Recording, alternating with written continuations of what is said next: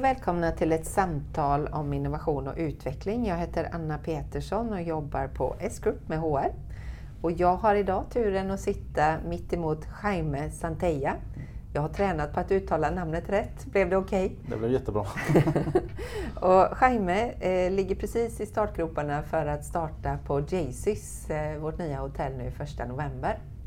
Eh, och jag eh, fick upp ögonen för dig genom att eh, läsa dina fantastiska beskriv beskrivningar av hur det är att jobba som kock och den passionen du, det lyser när ja. du skriver på LinkedIn. Ja.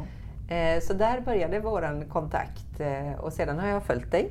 Och jag tänker att det är nog många mer som vill höra om din historia så jag tänkte faktiskt först be dig att berätta lite bakgrund och hur, hur blev det att du valde kockyrket? Uh Ja, eh, hej. Eh, alltså, för mig var det ganska självskrivet redan som ung. Eh, jag förstod inte riktigt då vad som höll på att ske eller hur det skedde men jag har alltid haft en dragningskraft till kök, eh, till smaker, till alltså all texturer, konsistenser, dofter. Och det började ju redan som sagt i Chile genom min farfar. Han var duktig på att laga mat? Han, han var duktig på att eh, dela med sig av eh, smakupplevelser. Ja. Så var det. första gången som jag, alltså mitt första matminne var ju när jag var fyra fem år gammal. Jag fick en bit eh, getost av honom och smaka på. Och för mig, det öppnade liksom ett helt universum när jag, när det träffade, när jag fick, smakpaletten öppnade sig. Ja. Och det var så eh, så häftigt. Och, då, och där började typ min nyfikenhet. Och där började jag typ leta mig in i köket. Till min mamma, där hon stod ofta och lagade mat och försökte hjälpa henne. Ja. Uh, och ja. Och vad första jobbet? Läste du till kock eller vad gjorde du i gymnasiet? Nej, alltså, första jobbet, jag var ju 13 år gammal och sommarjobbade eh, som diskare. Och det var där jag typ förälskade mig i hela yrket när jag såg hur andra jobbade, eh, hur det lät i ett kök. All, alltså all skrammel från bestickpackarna till eh, hur tallrikarna skramlar, bångmaskinen, hur de annonserar ut eh, ordrarna som skulle komma. Tempot och stämningen. Tempot och stämningen och värmen och hettan och det var liksom... Och då bestämde jag mig för att det är ju det här jag ska hålla på med. Ja, 13 år. 13 år. Ja. Och vad hände första jobbet, eller riktiga jobbet om man säger så? Var, var landade du in då? Eh, mitt första riktiga jobb landade jag eh, här i Göteborg på en restaurang som hette Hos Pelle. Ja. Som på den tiden var det ju väldigt mycket gourmetkök, väldigt mycket mer än vad det är idag. Ja. Eh, och där stod man och, och slet eh, oftast måndag till lördag och man körde 12-14 timmars eh, vakter. Eh, och det, det var ju, alltså man började ju längst ner. Man började med att skrubba potatis och tvätta spinat och skala sparris. Eh, och allt eftersom så blev man snabbare och mer effektiv och mer noggrann och fick liksom komma mer och mer fram. Ja. Och där spenderade jag faktiskt... Eh, det var, hos Pelle var alltid som att komma hem för mig. Ja. Och så här, jag jobbade där fram tills han sålde krogen. Eh, till och från. Ja. Och då, vi pratade en del om det, att komma in och få möjligheten att visa vad man går för, men också ha någon att se upp till. Då läste jag in att du hade någon som lärde dig. Ja, det hade jag. Eh, jag hade flera som lärde mig. Det var flera som, eh, som såg min... Alltså, man måste ju hitta det. Det är det som är den. Passionen. Om, om man hittar en, en människa som om jag hittar en, en ung person som kommer in i ett kök som visar intresse, som, som, som visar vetgirighet. Då tänder det en passion i mig att jag vill lära den här personen allt jag kan. Ja. Och det var det som hände även när jag som ung gick in i köket. De, många människor såg det. Ja. Och tog mig under sina vingar och eh, liksom hjälpte mig uppåt och framåt. Och var det så att eh, man visste att nu kommer det komma en period där jag inte kommer ha så mycket jobb. Så kunde jag alltid vända mig till dem. Och hade de inte de jobb på sina ställen så fick man lösa det på andra sätt. Och det var ja, så att jag alltid håller mig sysselsatt. Det var lite, vi kom också i kontakt här innan sommaren. Du kontaktade mig för att nu har jag lite tid över innan jag börjar på Jaycee så har, har du ingenting som jag kan göra? Ja, exakt. eh, och det är ju det, den här, man är ju kanske lite, eller jag vet att jag är lite rastlös av mig. Mm. Eh, men det är, är, ju det här att jag tycker om det jag gör så himla mycket så att jag vill ju göra det hela tiden. Ja. Jag kan eh, absolut vara ledig och ha semester men det börjar liksom eh, rycka lite efter ett par veckor och nu måste jag gå in någonstans och jobba och laga lite mat. Ja. Eh, och då tycker jag det är kul att besöka kök som man inte har varit inne på. Ja. Hur är det att komma in i ett helt nytt kök med helt nya människor? Alltså det är lite pirrigt. Det är lite nervöst. Man vet inte om man... Man tvivlar inte men man blir ju lite så här, hm, hur kommer det här att gå? Mm. Och de vet ju inte vem jag är. Jag vet inte vem de är. De vet inte vad jag kan. Eh, men då får man bara skala av allt och gå in så ödmjukt man bara kan. Och, eh, och vara novis. I alla fall till början. Ja. Tills de ser vad man... Alltså, sen brukar det flytta på ganska av sig själv. Ja. Och vilka mer, du har varit på hos Pelle, vilka mer restauranger har du jobbat på? Eh, jag har jobbat på en hel del. Min, som ung så drog jag till Mexiko så bodde jag där i sex månader på en, eh, eh och jobbade på en eh, svensk restaurang som låg vid Playa del Carmen. Ja. Du åkte dit eh, på vinst och förlust eller hade du jobb när du åkte över? Nej, jag hade jobb när jag åkte över. För det var, det var svenskt eget företag. Ja. Och de behövde någon som kunde laga mat och kunde kommunicera på spanska, engelska och svenska. Mm. Eh, och på den tiden var det en större utmaning än vad det är idag mm. att hitta den kombinationen. Mm. Eh, så det funkade till min fördel och då fick jag åka dit och vara där sex månader. Eh, såg en helt annan kultur. Det var min första köksmästartjänst och så är det i backspegeln så kanske jag var lite för ung för att ta den tjänsten. Och hur, vad tänker du på då?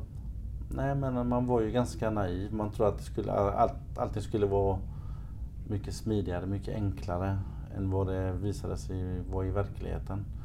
Och eh, då sätter ju pannbenet in istället och då ska man inte ge sig utan då, då, då kör man ju på eh, för att visa resultat. Mm. Eh, det funkar men det, det, det är mycket jobb. Mm. Det är slitsamt, men roligt. Och därefter, sex månader i Mexiko?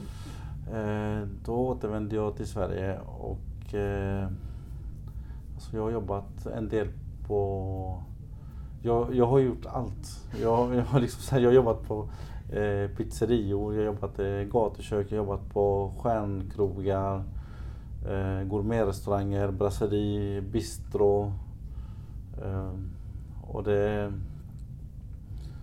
Finns det något som är roligast eller är det någon sån här, det där var verkligen... Alltså den tiden som vi hade på restaurang hos Pelle var ju verkligen roligast för mig.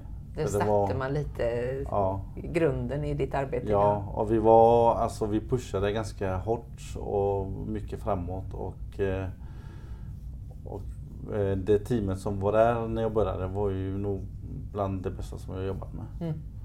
Och eh, i dagsläget, det går inte att hitta i dagsläget. Nej. Förutom nu då kanske när ni håller på att skapa någonting på Jaycees, vad var det som lockade dig till S-Group? Till S-Group, det var alltså hela S-Group-andan som lockade mig. Ja. Eh, när, jag såg att, när jag såg bygget eh, så gick vi in och googlade vilka det var som skulle ha det och så såg jag att det var S-Group. Eh, och då började jag göra min lilla research genom att eh, först googla eh, S-Group, allt vad det, vad det innebar. Kolla eh, sidorna, allt hur de eh, tänker om sina värdeord. Ord. Och, eh,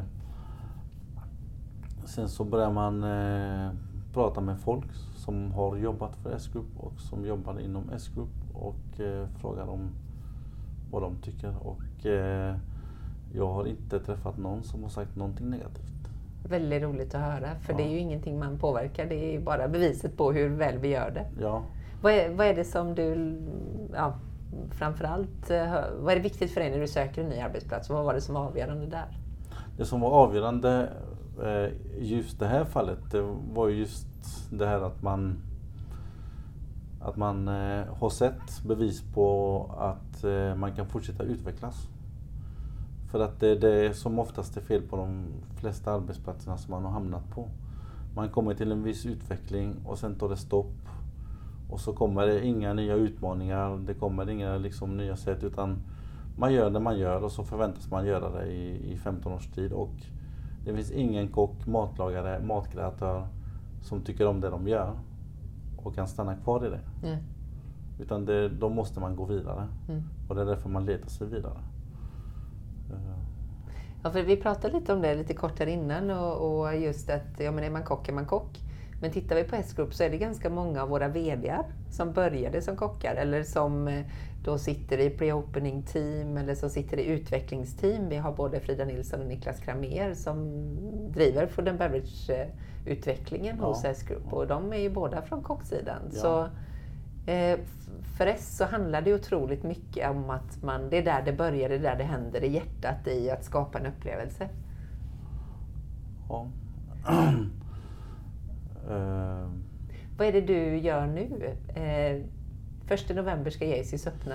Första november ska Jaycees öppna och eh, just nu sitter jag med rekrytering jag sitter och eh, gör eh, matkalkyler och eh, gör beställningslistor och går igenom eh, ja, allt som behövs inför öppningen och försöker sätta ihop ett team som ska blandas med mycket erfarenhet och kunskap och eh, unga, nyfikna, vetgiriga människor som vill lära sig. Och, eh, jag tror att det är den bästa kombinationen för att skapa ett team som, blir, som får bra sammanhållning.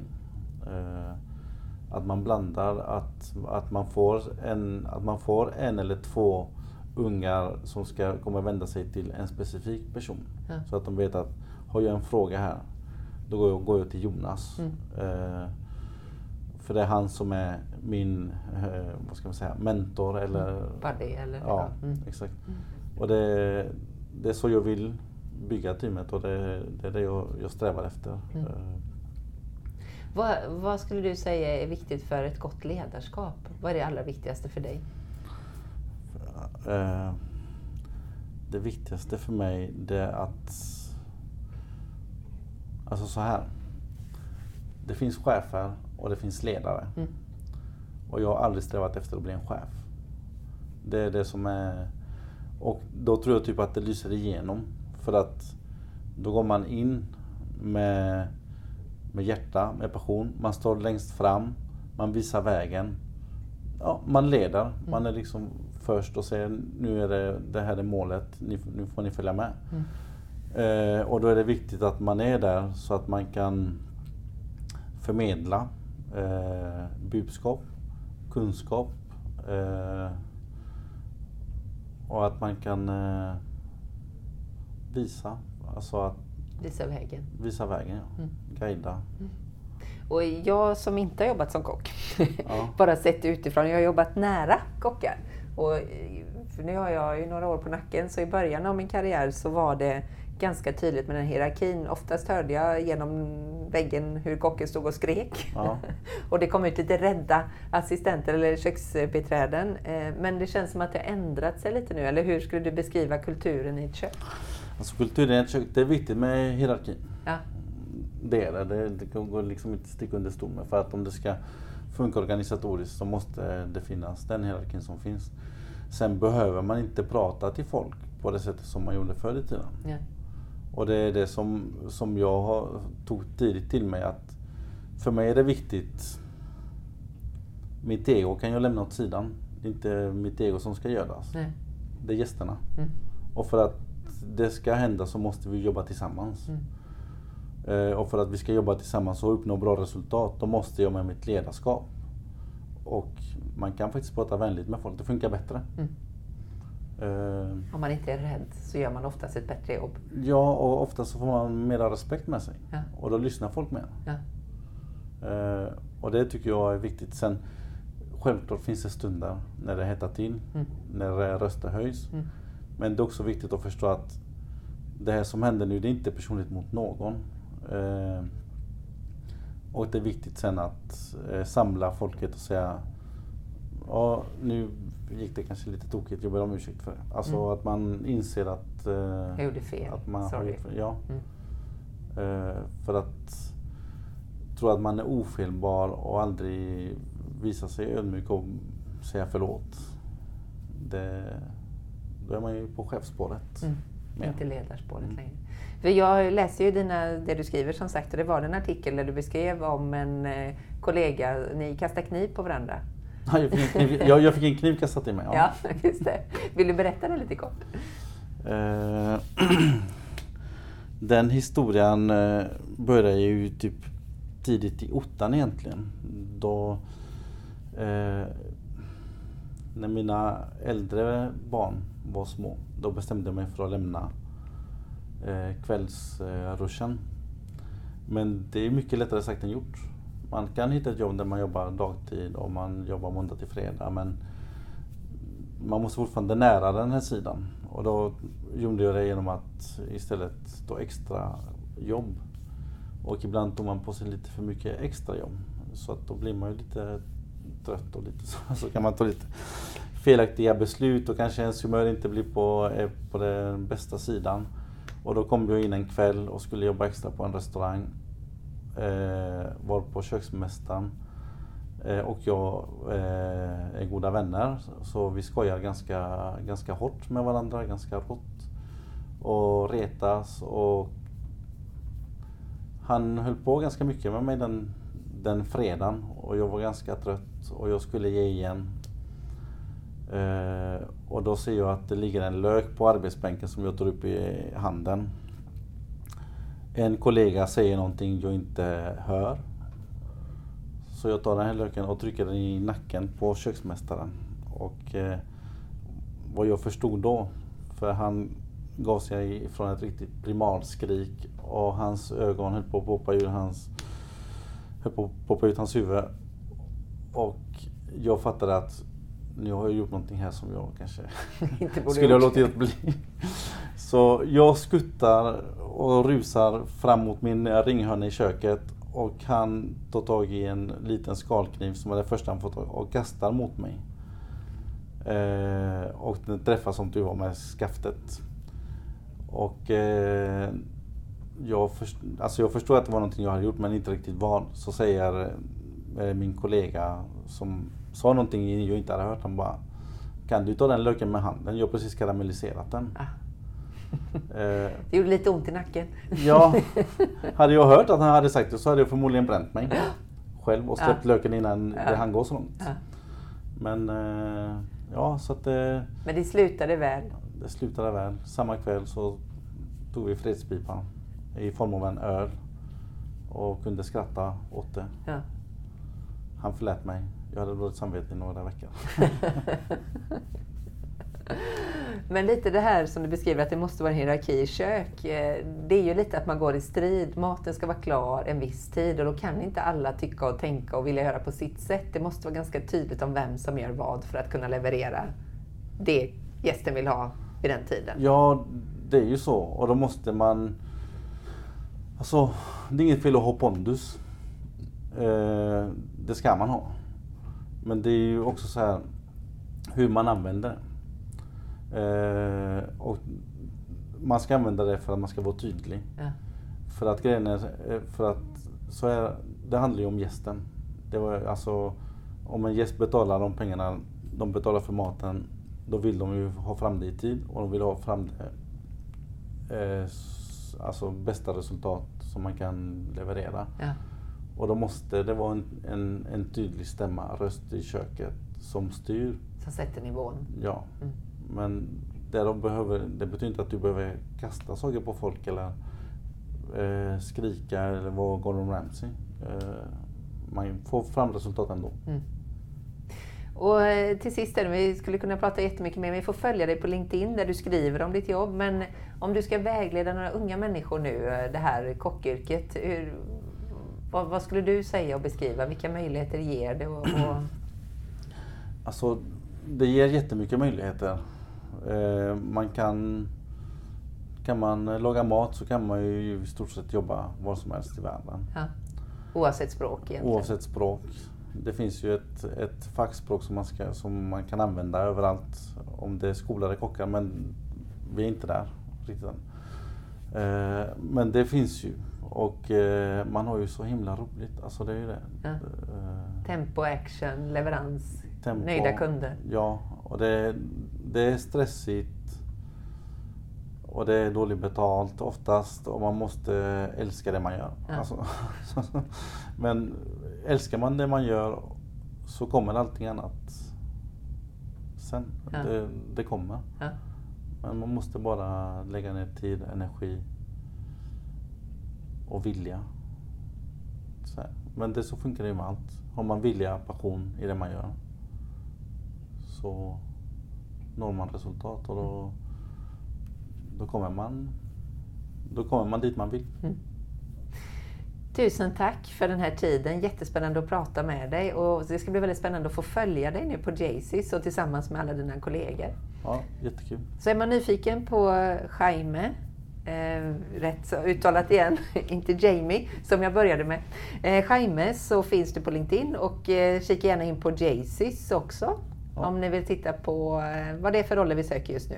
Tusen tack för din tid. Ja, tack för att jag fick komma. Varmt lycka till. Tack.